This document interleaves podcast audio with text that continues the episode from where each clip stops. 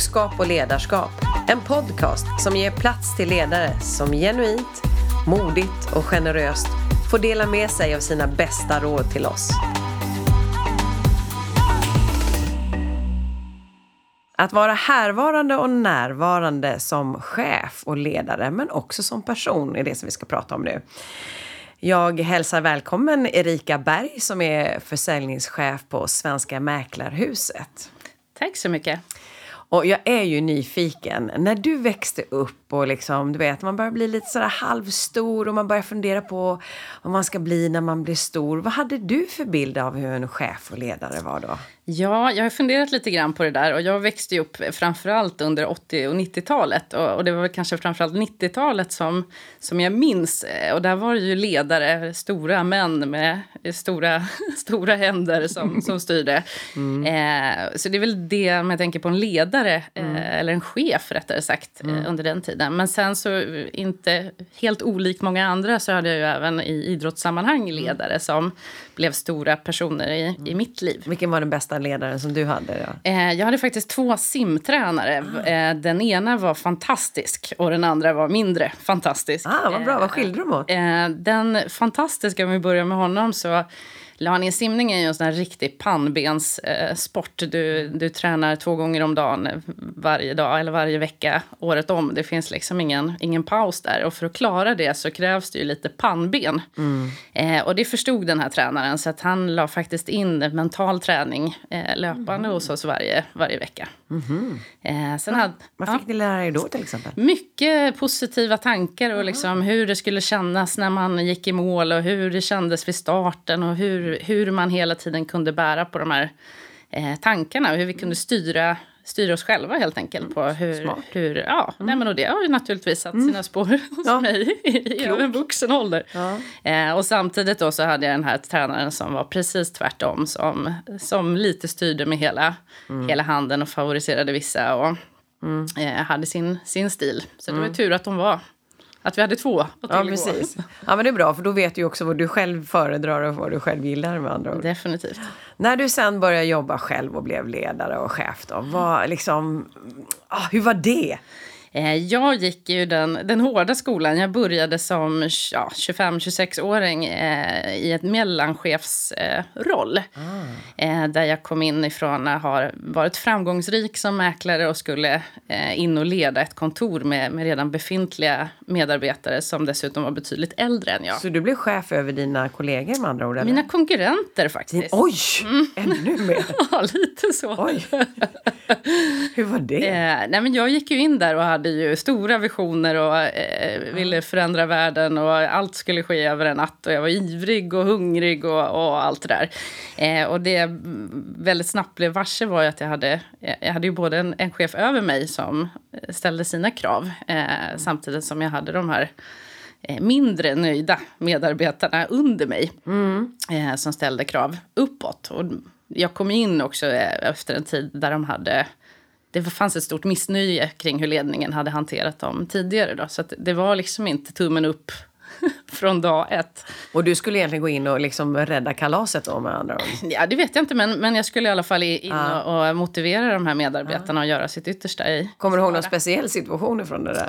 Ja, jag kommer ihåg när jag hade jobbat ett, ett halvår eller någonting sånt där så, så kommer mina chefer in och då hade vi en ganska nyanställd kille hos oss eh, som, som inte levererade. Han levde inte upp till de förväntningar som som vi hade eh, på honom. Och, och liksom orden från mina chefer var att äh, säg upp honom. Han funkar Oj. inte. Mm. eh, och det där blev ju då som 25-26-åring ja. eller vad jag nu var eh, otroligt dramatiskt. Eh, Men hur, hur, hur hanterar du den situationen? Alltså jag gick ju hem eh, och funderade eh, hur, hur ska jag ta mig vidare i det här. Och jag började ju anklaga mig själv för att inte ha varit en god nog ledare. Att jag inte hade kanske introducerat honom rätt. Jag hade mm. kanske inte stöttat honom på rätt mm. sätt och så. Mm. Så det jag efter en stunds eftertanke kom fram till var att nej, men jag måste ge honom en tid på sig att, att försöka ta sig vidare i det här. Så att vi Eh, vi bestämde oss helt enkelt för att sitta ner en gång i veckan eh, och sätta liksom, mål till nästa vecka. Och det kunde ju vara allt ifrån att vara medlyssnare på hans samtal eller att han skulle gå på fyra möten varav jag skulle följa med på. Var han tacksam över den här hjälpen? Till början var han väl inte så tacksam. Han tyckte att jag var lite besvärlig. Men, men efter en tid så så insåg han ju att ja, men nu, nu har jag faktiskt chansen. Och mm. jag hade ju satt en egen limit på det här. Att om han inte hade växt eh, på de här åtta veckorna då, mm. så skulle vi... Då, då kände jag att ja, då har jag, då hade du gjort då du jag gjort allt. Bra. Eh, så han kom faktiskt om det var vecka sex eller vecka sju självmant och sa att vet du vad Erika, nu har jag nu har jag reflekterat och du har verkligen gjort allt för mig. Och det, här, det här jobbet funkar inte för mig. Så han sa upp sig själv? Alltså. Han sa upp sig själv. Ja, va, men vad kände du då? då? Ja, men det är otroligt. Du har lagt ner mycket tid. Nej, men då kunde jag ändå liksom reflektera och tycka att ja, men nu har jag faktiskt verkligen gjort allt för den här killen för mm. att han ska kunna komma, komma vidare på ett bra sätt. Hur påverkar det här de andra personerna som var runt dig? För de andra måste ju ha sett hur du fokuserar och la ner tid där. Ja, men dels det, men också att han inte levererade var ju också ett bekymmer för dem. För de tyckte ju att han på något sätt tog, mm. dels tog min tid, men tog också ja, men, mm. möjligheter att göra affärer som han inte hanterade på ett mm. tillfredsställande sätt. Mm. Eh, men det jag också lärde mig utifrån det här var hur viktigt det är med, med de här kortsiktiga målen och att verkligen sitta ner en gång i veckan. Det här tog ju kanske en kvart per, mm. per gång, men att verkligen göra det här. Mm. Eh, ja, men för att vara den där ledaren som ser och eh, ändå sätter Eh, sätter gränser, sätter krav fast det blir liksom mm. på den medarbetarens villkor. Mm. Gör du likadant? Fortsätter du att jobba med de här kortsiktiga målen även nu? Jag gör exakt likadant idag ah, okay. fast eh, vi ses ju inte en gång i veckan Nej. då utan vi ses en gång i månaden ah, ja. eh, med de kontoren mm. som, mm. som jag har hand om idag. Mm. Mm. Så det du fann som 25-åring där funkar fortfarande? Alltså? Det har ju funkat i, ah. i de här vad är det nu, 13, 12, 13 åren eh, alldeles utmärkt. Och vi har sett andra sådana här fantastiska exempel. Vi hade en kille för några år sedan som eh, han inte heller levererade, men han hade någonstans en gnista i alla fall. Att mm. det, här, det här var ju yrket för honom. Han gillade verkligen eh, att mäkla. Liksom. Mm. Eh, men hans fritid på något sätt åt upp honom, och han, vilket gjorde att han inte riktigt kunde hantera sin tid. Och mm. där var det ju också så uppenbart när vi satt ner från vecka till vecka hur, hur han växte, som, både som person och som som mäklare och idag är han riktigt framgångsrik. Så det, det finns liksom, det är inte bara i avveckling. Nej, okay. funkar det fungerar åt båda håll. verkligen. vad skönt. Mm. Vad, är det, vad, vad, krävs det av dig? För jag kan tänka mig också att det är väldigt lätt när man är från sidan och ser in på en person som kanske inte presterar. Åh, oh, du behöver bara göra det här och det här så kommer det bli bra. Men vad, vad krävs det av dig för att få personer att lyssna på det? För Åtminstone jag träffar ibland personer som tycker att ja, men de kan faktiskt väldigt eh, mycket själva och känner sig kapabla trots att de inte kanske får de resultat som man ser är möjliga. Hur får du dem att lyssna på dig? Mycket också åter tillbaka till den här tiden som mellanchef så lärde jag mig att det här med goda råd och snabba lösningar mm. som jag kom med då, för jag var ju världsvan mäklare. Mm. Jag var ju bullrade av snabba quick fix. Ja men gör si, gör så, gör det.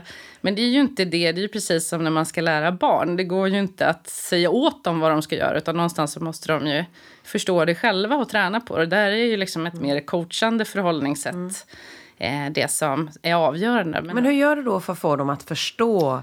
För du behöver ju å ena sidan få dem att förstå att du ser potentialen mm. samtidigt som du också ser då att det finns andra sätt att göra det på. Hur, hur gör du? Först och främst så krävs det ju ett stort mod av mig att, att komma in på eh, att våga ta i de här frågorna. Inte låta dem vara liksom, moln som mm. svävar mm. omkring och så skapar mm. oro. Utan att man mm. verkligen vågar eh, ta tag i. Men mycket handlar ju om att ställa frågor. Eh, mm. öppna frågor. Precis tillbaka till den här goda försäljaren. Att vara duktig på att göra en behovsanalys. Och, och få, mm. liksom, för sakta men säkert så förstår ju personen i fråga till slut att ja, men om jag gör så här, mm. då borde det fungera. Mm. Och har personen själv förstått att om jag gör så här, eh, då, då brukar det ske magi. Mm. Till skillnad från om jag säger åt dem att mm. gör så här så kommer världen att blomstra. Mm. Och jag tänkte också prata om mod och det är ju lätt att vara modig när det går bra. Verkligen. Ja. Hur, hur, hur bygger du mod hos andra? Eh, mycket är ju att visa på att jag är en modig person själv, att föregå mm. med, med gott exempel. Vad gör du då till exempel? Eh, jag har ett exempel mm. från eh, inte så länge sedan faktiskt, när jag var precis ny som försäljningschef. Ja. det, var ju, det var ju lite samma iver som när jag gick in i den här mellanchefsrollen, fast jag hade ju mognat en del. men när jag hade varit anställd en vecka eller någonting sånt där så kommer min chef och sa ah, men vi ska åka till Alicante och ha ledarskaps eller ledarträff för våra mm. ledare. Och du ska hålla ett föredrag. Eh, och jag hade liksom inte en tanke på att oj, jag ska stå på scenen. Det, hade, det borde jag begripit ah. i, i, inledningen. Men, men ah. jag hade liksom inte en... Jag hade inte ens reflekterat över det. Och dessutom så var jag ju van att hålla hov liksom, ja. på mina kontor och på ja. liksom, eh, visningar och allting sånt där. Så jag hade liksom inte heller riktigt förstått vilken enorm scenskräck jag Oj. jag drogs med. Oj. Så att inför den här konferensen, jag tror inte jag, ja, jag, jag var nog vaken i tre, fyra dagar och dygn ja. inför den här. Och, eh, Eh, jag läste någon sån här självhjälpsbok och där stod det liksom att vara sen, ha scenskräck det är värre än att vara rädd för döden eller något liknande. Så du läste verkligen det du behöver ja, läsa för att bekräfta? Jag försökte verkligen. Och jag tänkte herregud, jag dör hellre två gånger än gå mm. med på det här. Mm. men jag, jag bet ihop och jag gjorde det där. Hur gick det då? ja, det gick ju inte så eh, jättebra. Jag, hade, jag skulle kanske ha gjort på ett annat sätt. Men, mm. men det jag lärde mig var ju att, att verkligen liksom, här mod är ju en muskel som, ja. som man faktiskt kan träna upp. Och det är ja. inte det är inte omvärlden som blir lättare utan det är faktiskt du som, som blir ja. starkare. Och du kände att ja, men ska jag klara den här rollen på det sätt som mm. jag vill då måste jag verkligen träna på det här. Mm. Eh, så att jag utsatte mig för en, en hel del kurser, mm, bland annat bra. Dale ja, bra. Men det är ju bra. Och det är ju som säger att det är ju muskler man hela tiden behöver träna på det. Mm. Så, eh, och jag hör ju, här blir du ju ett föredöme i att själv utsätta dig i, Ja men att ständigt utsätta sig för, för prövningar gör ju att du blir starkare. Blir det lättare då?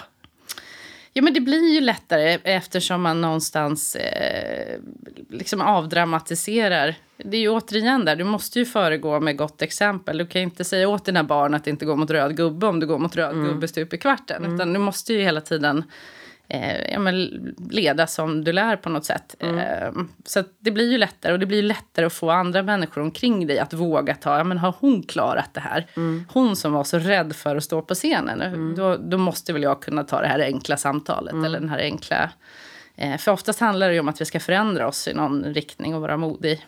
Mm. Och jag, tänk, jag, kan tänka mig på den miljön du lever i också. Du blir ett, som sagt du blir ett föredöme, folk ser på dig vad du gör för någonting. Men det är ju också en miljö där det är, dels är det konkurrens utifrån att ni har många konkurrenter. Mm. Och sen också blir det ju, kan jag tänka mig också, lite grann att personerna vill skapa bra resultat. Det blir lite tävlingsinstinkt emellan och liksom man vill göra bra ifrån sig. Hur hanterar du liksom prestige och sånt som kan dyka upp? För det kan tänka mig att det blir eller det kanske bara är mina förutfattade meningar. Nej, men det blir en hel, en hel del prestige. Kanske framförallt eh, mellan mäklare ute på kontoren. Man sätter ju sina mål. Liksom, att mm. man vill, eh, och, och, vissa har höga mål och mm. vill vill sikta mot stjärnorna medan andra har målat eh, ja, men, en, en viss inkomst eller någonting mm. annat som, mm. som är viktigt för dem. Eh, och där är ju konkurrenterna spelar ju naturligtvis en stor roll och det är ju detsamma liksom i idrottsvärlden. Att, eh, du behöver ju ha de där konkurrenterna mm. för mm. att utvecklas. Mm. Eh, och någonstans så får man ju liksom suga åt sig det bästa av om, omgivningen men ändå mm. behålla sina, någonstans har man ju sina egna eh, karaktäristiska drag som man mm. behöver ändå, det, det jag är duktig på måste jag ju mm. hålla kvar vid. Men, men jag kan säkert plocka saker hos konkurrenten och göra mig själv starkare. För där kan jag också tänka mig att det blir att du som ledare och just utifrån den rollen du har nu, du har ju ett, liksom, du får ju ett, ett, ett helhetsperspektiv som man kanske inte har när man sitter själv och i, liksom, på, på, vårt lilla kontor så att säga. Mm. Så hur gör du då för att få de personerna som du jobbar med att se det du ser? Det vi har jobbat, eh, eller jag framförallt har jobbat mycket med senaste året är ju framförallt den här sammanhållningen mellan kontoren. För mm. någonstans så eh, ska du göra det här så, så är det betydligt lättare att utnyttja varandra. Mm. att ge och att ta. Mm. snarare än att hela tiden bara se till din egen lilla vardag. Mm. för där kan du ju också dra, det är ju dumt att gå på misstag som någon annan redan har gjort. Mm. Likväl som det är bra att ta åt sig de positiva delar som, som andra har gjort. Så hur rent praktiskt får du till det då? mycket har vi jobbat med faktiskt ett tipssystem där vi delar med oss mm. av kunder eh, med varandra. Eh, där vi också har olika aktiviteter där vi ses och ja, men just för sammanhållningen. Mycket andra saker har vi också tryckt på att eh, hitta förebilder i kedjan. Eh, där vi har nyare mäklare som har bjudit ut mer erfarna mäklare på lunch till exempel. Och för att plocka av sig. Och det där med mentorskap tycker jag är också en sån stor viktig viktig del eh, i det här. Eh, och även den som är gammal och erfaren, eh, gammal behöver inte vara, men Nej, erfaren, har ju mycket att lära av den som, som är ny och ser. Ja. För det är ju lätt att köra in i sina ja. gamla hjulspår. Ja, det är bra. Eh, vi pratade lite om det innan, för ni är ju en franchiseorganisation och då har det ju, det är ju vissa saker som, är, eh, som här, rullas ut. Vi är ju själv det, så jag vet ju lite grann hur, hur, hur, vi kan reagera ibland när saker och ting bara kommer ner i vårt knä. Jaha, nu är det här vi ska göra. Och ibland så förstår man ju inte riktigt varför.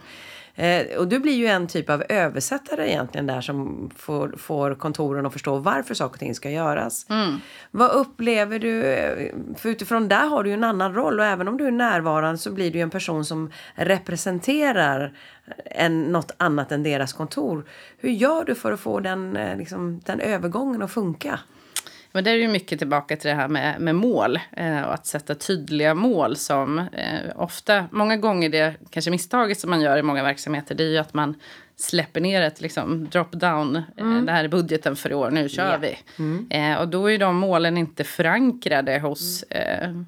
Hos medarbetarna på kontoret mm. eller i, i mitt fall då ute mm. hos eh, kontoren själva. Så hur gör du för att skapa, för det är rent, rent logiskt så förstår jag, okej okay, mm. det är mål vi måste bryta ner dem. Precis. Men hur får du dem verkligen, för på något vis så behöver du känslomässigt köpa in i det. Mm. Hur ja, skapar precis. du den känslan? Nej, men och då har man koll på sina mål så kan man ju också härleda till varför ska vi göra de här aktiviteterna? Jo men det är ju faktiskt ett steg till mm. målet och det är ju precis på samma sätt som jag jobbar med mig själv, de steg jag tar i min vardag, är det här, är det här ett steg mot rätt riktning? Mm. Eh, så det handlar ju liksom om att motivera och, och få dem att förstå att ja, men, nu gör vi den här kampanjen till exempel mm. i syfte att nå det här målet. Mm. Så kan man hela tiden härleda de aktiviteter vi gör eh, från huvudkontorets sida till faktiskt ner till deras mm. mål i vardagen så, mm.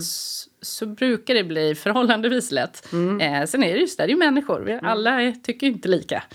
Eh, och det får man ju handskas med. Mm. Mm. Vad är det mest svåra som du varit med om där som du känner att ja, det där var en utmaning?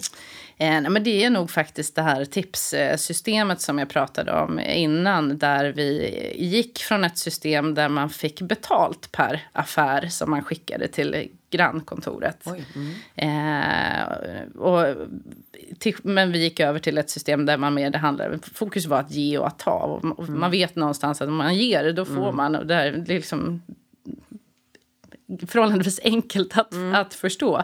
Men det var ju inte alla, mm. alla med på. Mm. Eh, det vi har sett, det här vart ju 2018 var ju vårt försöksår i det här och det mm. vi har sett är ju att ja, men vi har ju ökat man ska säga, transporten av kunder med 70 procent den här tiden på att liksom ah. plocka bort eh, en, en ersättning som annars fanns. Men Oj. bara på att liksom visualisera. Men om vi ah. ger så får vi. Ah. Eh, och det är ju tillbaka igen till att bygga sammanhållningen mellan kontoren. För någonstans måste du känna den som mottagaren som Precis. du skickar till för att kunna mm. prata in honom eller henne på ett mm ett bra sätt. Men hur gör ni där då? För det blir ju ändå på något vis, ja men jag är på det här kontoret och det är mitt kontor, det är mina kollegor.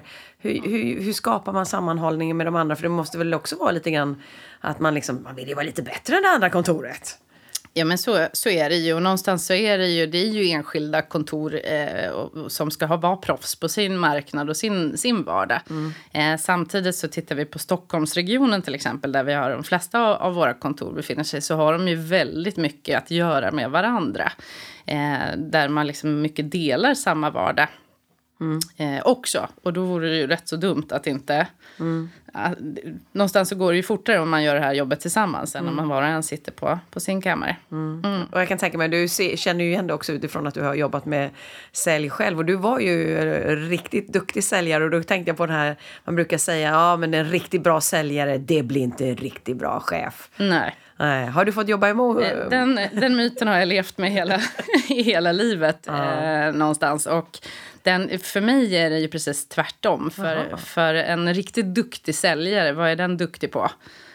behovsanalys ah. kanske. Ah. Se kunden och, ah. eh, och förstå kundens behov. Ah. Eh, och översätter du det till din personal eller i mitt fall mina kontor så, mm. så är det ju faktiskt mm. detsamma. Om jag ska bli en duktig ledare så måste jag ju ha gjort en bra behovsanalys. Mm. Eh, och jag måste ju se dem och jag måste mm. känna vad de känner för, mm. för att mm. kunna coacha dem och hjälpa dem vidare.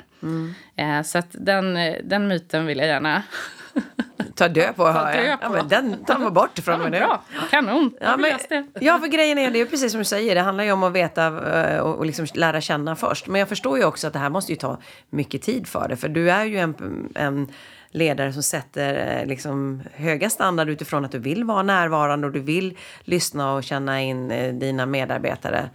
Eh, så, så hur, hur får du din kalender att gå ihop? Eh, jag har ju jobbat mycket med det här med, med stresshantering mm. genom åren. Och jag har ju tidigare i, när jag omsatte mycket som mäklare och var ledare så var jag naturligtvis nära taket många, många mm. gånger. Mm. Eh, och det jag lärde mig på vägen var ju hur extremt viktigt det är med, med rutiner. Eh, mhm. idag är jag dessutom småbarnsmamma. Det var ju för sig under viss del av, mm. av den här tiden också. Men det kräver ju sina rutiner. Mm. Eh, så att jag jobbar väldigt målmedvetet med liksom just... Eh, jag har mina möten mellan 10 och 16 varje dag. Fram till 10 så, så håller jag koll på min mail och gör av klart eh, de mm. bitarna och planerar mm. eh, för mötena. Men också tillbaka till det här med, med mål. Att eh, sätta mål Sätter man de långsiktiga målen så blir det lättare att i stora penseldrag dra upp rutinerna för, för det kommande halvåret. Men också att faktiskt, jag har en liten bok, eller ja nu är det faktiskt mobilen, men tidigare hade jag en bok precis vid sängen där jag skrev, ja men det här ska jag göra imorgon. Eh, för på så sätt så blev det mycket lättare för mig att istället för att bara kasta mig upp och nu ska vi möta dagen, mm. så, så blev det mycket lättare för mig att möta möta det jag skulle göra. Mm, men jag kan ju också tänka mig, du är en person som har rutiner och du har ordning och reda på det du själv gör och har en god plan. Men du är ju, är ju en person som också vill vara närvarande. Så hur säger du nej då till medarbetare eller kollegor som kommer och säger, ah, rycker i dig? För det kräver ju också ett sätt att säga det på så de verkligen lyssnar på dig. Har du mm. några bra tips där? Ja, men mycket i att, ja, men att, åt, ja, men vet, att man talar om när man ska återkomma, eh, helt enkelt. Eftersom jag mycket sitter i mina i möten ute på kontoren. Nu blir det förhållandevis faktiskt ganska få såna där eh, brandkårsutryckningar som man annars kanske har om man inte har rutiner. Eh, I alla fall hade jag det. Eh, så så blir det mycket lättare att se. Man ser, ja men vet du vad, jag har ett möte nu mellan 10 och 11, jag ringer dig klockan 11. Och, och det brukar man faktiskt nöja sig ganska bra med. Mm. Mm. Så det handlar inte om att säga nej fullt ut, utan det handlar om att säga när man kan komma tillbaka. Precis. Mm. Mm. Det är bra. Vad är det du ser själv är de, när du kommer, kommer in som ny i er bransch? Vad är det du ser den största utmaningen? För jag kan tänka man har en viss bild av hur det ska vara och hur det är på de här mäklarkontoren. Mm. Eh, mycket eh, är ju lite det vi har pratat om tidigare eh, här. Eh, dels det här med stresshantering, okay. att hålla koll mm. på. Eh, en, en mäklare idag är ju som en liten brandsoldat som springer runt och släcker mm. eldar. Och ingen dag är den andra lik, säger man ju oftast på, på högskolan och sådär. Mm. men ingenting är ju mer fel, håller jag på att säga. Nej, men det, mycket går ju faktiskt att strukturera upp. Du mm. vet, har du koll på ditt mål så vet du hur många kundmöten du behöver gå på. Du vet hur många samtal du behöver göra. Du vet när du mm. gör det bäst. Mm. Eh, har man koll på de pusselbitarna så blir det rätt så lätt att ändå planera sin, sin vardag och mm. få tid för de där brandkårsutryckningarna som också kommer däremellan. Då. Mm. Eh, så det är det, det ena, hålla stenkoll liksom på sina, sina mål eh, och vart man vill nå. Du pratar ju mycket om mål, Erika, och ja. det jag blir ju nyfiken på. Liksom, hur, hur, eh, jag förstår att du har med liksom, erfarenhet förstått hur viktigt det är med mål. Men har du alltid varit så här målorienterad? Eh, jag tror att jag, jag fick en, en, väldigt positiv uppväxt faktiskt av mig. Dels hade jag den här simtränaren som var ja. extremt duktig på att eh, ja, men bryta ner målen. Att, ja, men varför gör du det här idag? Jo, men det är ett steg på väg till mitt mm. mål. Eh, men faktiskt också min gamla morfar som eh, hade förmånen att spendera sommarloven, eh, eller en viss del av sommarloven med eh, under mina första vad ska man säga, mm. skolår. Mm. Mm. Eh, som vi faktiskt satt varje sommar och pratade om målet. Ja, men vad är målet med... Eh, då var det ju stora, stora mål. Ah. Brandkår och allt möjligt. Ah. Författare. Astrid Lindgren skulle jag bli. Ah, okay. eh, men också, det var liksom ingenstans att han förringade de här målen utan han hela tiden gick tillbaka. Men hur ska du nå dem och hur tänker du att Eh, som de här författardrömmarna till exempel. Så, ja, men då får du börja skriva nu. Så, ja, eh, så det har jag levt vidare med. Så mm. jag sitter faktiskt varje sommar en stund i hängmattan och funderar över ja, eh, mina långsiktiga mål och varför.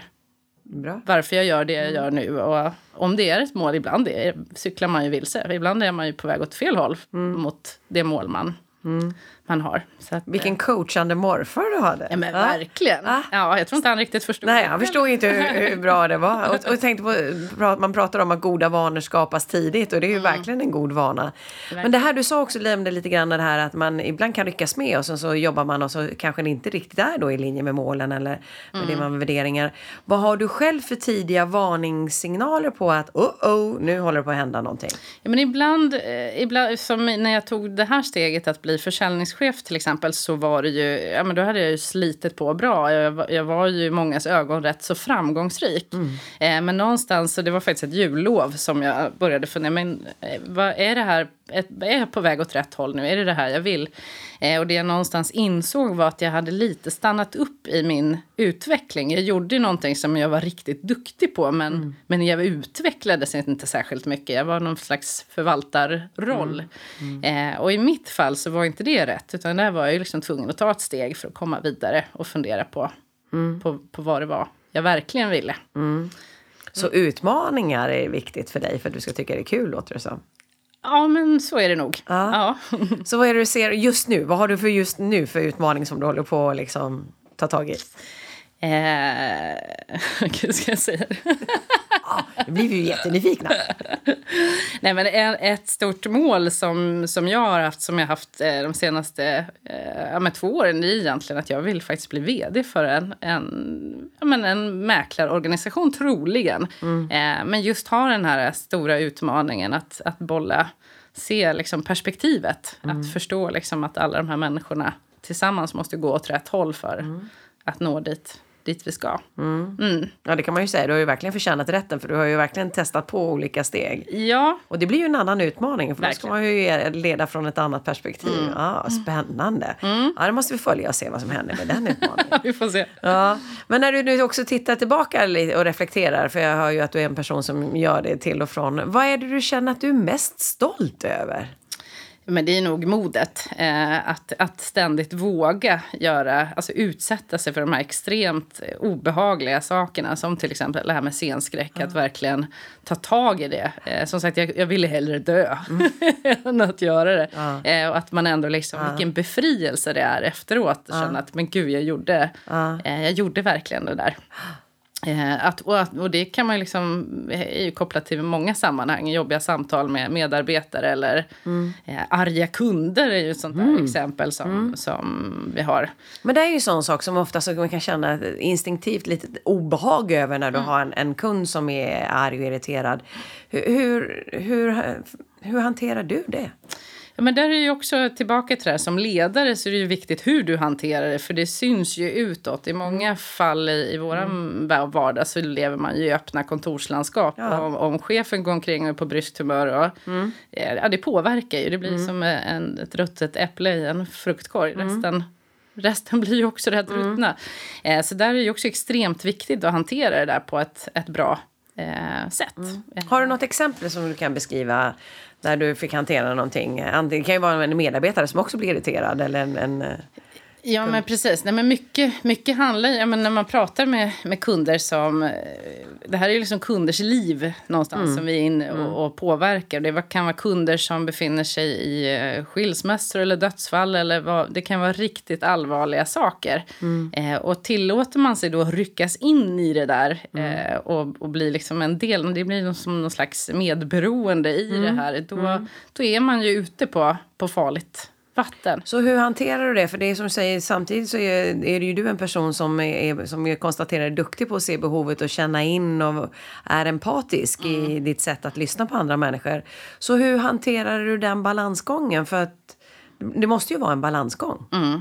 Och det är ju tillbaka till tänka, tänka positivt, tänka, ha goda tankar. Jag brukar försöka tänka att jag är en gås, det bara rinner av. Mm. Eh, och liksom inte låta någonting stanna kvar, utan lös det nu. För att har du går omkring med en massa sådana här orosmoln omkring dig så, mm. så påverkar det ju dig. Mm. Eh, och det är ju samma sak som inte bara ledare utan en kollega eller medarbetare också. Har du, har du de här molnen omkring dig så, mm. så påverkar det ju dig. Mm. Eh, vi hade faktiskt en, en tjej som hade extremt dåligt morgonhumör eh, på, på mitt förra kontor som vi, vi kämpade mycket med. Mm. Och man såg, vi hade stora skyltfönster. Och man såg kollegornas axlar så fort hon gick förbi skyltfönstren så åkte de ner och man visste att ha, nu, nu kommer hon in på ett fasligt humör.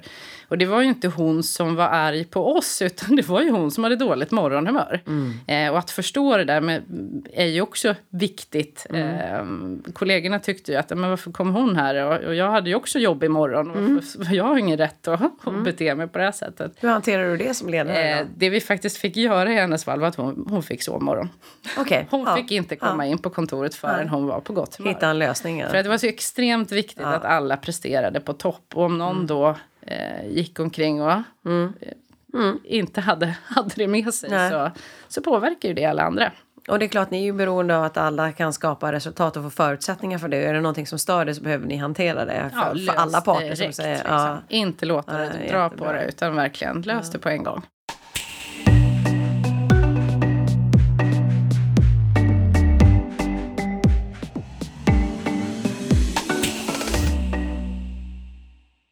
Om du skulle ge tre råd till personer som eh, jobbar då med ledarskap, om man säger lite utifrån att man kanske inte har man har kanske inte chefsbefogenheten på det sättet. Mm. Men man är ändå en ledare som, eh, som driver verksamheten framåt. För det är ju egentligen med en av dina uppgifter att se till att ni gör så bra resultat.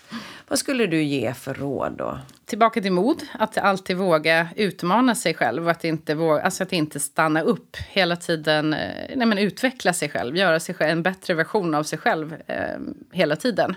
Jobbar man med det stående så, så blir man en, en mer harmonisk och trevlig person, tror jag. Så menar du att vi ska söka utmaningen då, eller hur tänker du? Nej, men någonstans är det att ja, men det här är jag inte bra på. Det brukar vara en sån här standard. Um, det här kan inte jag. Jag är inte bra på att ta de här samtalen. Ja, men träna på det då. Mm. Någonstans, du kanske inte blir proffs. Det är inte Hans Rosling vi ska få fram, mm. utan men mm. du kommer i alla fall att kunna hantera de här mm. samtalen bättre. Eh, så det är mer på den nivån. Eh, också det här med, med stress. Eh, att hela tiden signalerar du att du ringer vi runt till våra vänner och bekanta idag så ja, det är mycket nu. Ja, vi är så stressade. Men mm. vad gör det med dig som mm. mottagare? Jo, men du blir ju, du, du mm. blir ju också stressad. Ja, precis. Och den personen som säger att de är stressade blir inte mindre stressad Nej. för att de säger att de är stressade. Utan att hela tiden, jag skapade någon slags statement för mig själv att jag kommer aldrig säga att jag är stressad. Jag är visst stressad ibland. Mm. Eh, men, men säger jag att jag är stressad så, så, så påverkar det min omgivning också. Så hur hanterar du det då? då? Bli med, medveten om vilka vanor som, som skapar mindre stress hos mm. mig och vilka känslor jag behöver ha för att eh, jobba med det här på ett bra sätt. Eh, men också det här lös nu. Men, istället för att gå och dra de här molnen efter sig, lös det, lös det nu. Eh, samma sak med mejlkorgen. Går omkring med en överproppad mejlkorg med obesvarade mejl. Det blir inte lättare att svara på dem sen. Mm. Gör det nu bara. Och det låter ju så enkelt när du säger det här att man ska ta tag i de här molnen. Så, så rent konkret, liksom, hur, hur peppar du dig att göra det? Allt som är enkelt behöver ju inte vara lätt. Nej. Det är ju inte riktigt samma, samma sak. Utan någonstans är det ju att, att ja, men, sätta igång, börja jobba. Men ta ett litet myrsteg kan ju vara ett, ett stort steg på väg i rikt, rätt riktning. Och, och verkligen glädjas åt de här myrstegen. Eh, och detsamma hos medarbetarna. Ser du någonstans en ledares främsta uppgift, tycker jag, eh, är ju att se andra människor växa. Och, och då måste du ju ha stenkoll på de där myrstegen. Eh, för det är ju de som blir stora. Och jag hör, då, då ser du ju framstegen och som sagt var jag tänkte på hur firar du själv dina egna framgångar? För jag vet att du är duktig på att bekräfta andra, att du ser dem och att de gör resultat. Men hur firar du dina egna framgångar? Är, man är ju oftast duktigare på att se andras, Ja. andras framgångar. Så Men vad jag, gör du? Jag, jag brukar faktiskt fråga mig själv. Jag har en bit till jobbet och jag ofta, sitter ofta i bilen. Eh, så att jag brukar faktiskt sitta i bilen på vägen hem och tänka, ah, vad för tre saker har jag gjort riktigt bra idag? Eh, och på samma sätt när jag kliver upp ur sängen på morgonen, säger, ah, men vilka tre, vad är agendan för dag, idag? Vad är det jag ska göra? För då kan jag någonstans i, på vägen hem bekräfta, ja men jag gjorde faktiskt de här tre sakerna. Sen kan det vara världens lättaste saker. Det, man är ju olika stark när man kliver upp ur den där sängen. Ja, och jag hör där blir du väldigt logisk också i att du har tre saker och väldigt metodiskt i sätt att jobba. Så rent känslomässigt, vad gör du när du bara liksom spinner loss när du gör något riktigt, riktigt bra? Vrider på musiken i bilen. Ja, det är musik i Dundrar bilen. på. Ja, det är bra. Eh, och samma sak inför viktiga möten. Det är Ja. mycket musik, mycket eh, knasiga låtar som, som Får mig i rätt stämning. Ja, det var ett jättebra extra råd. Tack så mycket för det. Tack så mycket.